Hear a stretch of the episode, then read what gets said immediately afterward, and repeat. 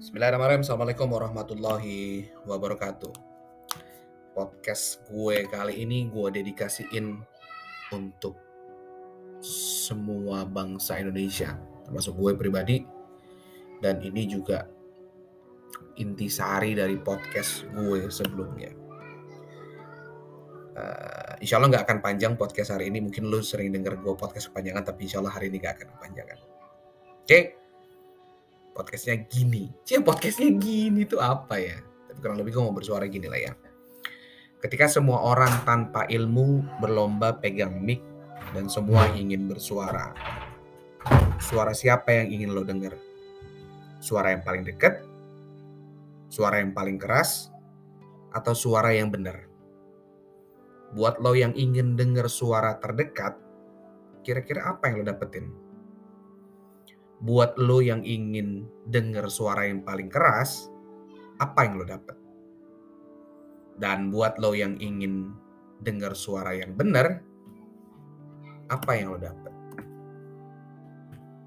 Karena menurut gue belakangan ini banyak banget orang yang nggak paham, nggak tahu, tapi sok tahu. Dia nggak tahu kalau dia nggak tahu itu masalahnya. Alkisah ada cerita dulu ya di kebiasaan orang-orang di zaman dulu, masa lalu, masa di masa orang-orang uh, belum mengenal uh, keilmuan yang lebih modern. Jadi ini cukup konservatif, cukup kuno di kehidupan masa lalu. Dulu itu sore hari adalah waktu yang paling sering mereka berkumpul di waktu sore. Mereka duduk-duduk rame-rame.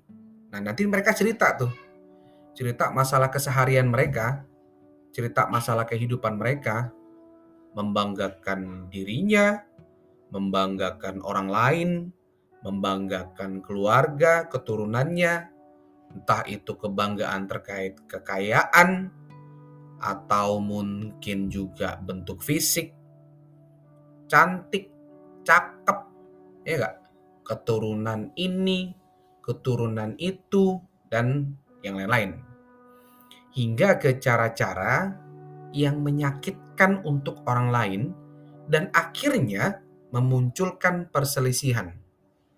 Sampai-sampai waktu sore hari itu akhirnya dipercaya sebagai waktu yang sangat sial. Kenapa sangat sial? Karena di hari itu, di sore hari itu dipercaya mereka semua akibatnya saling berselisih. Itu poinnya. Semoga kita semua nggak menjadi manusia yang rugi dari waktu ke waktu. Semoga kita menjadi orang yang uh,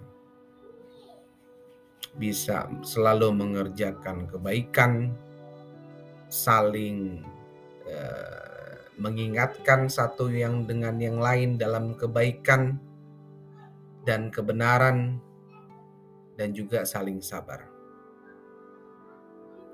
Bila taufik walidayah. Assalamualaikum warahmatullahi wabarakatuh.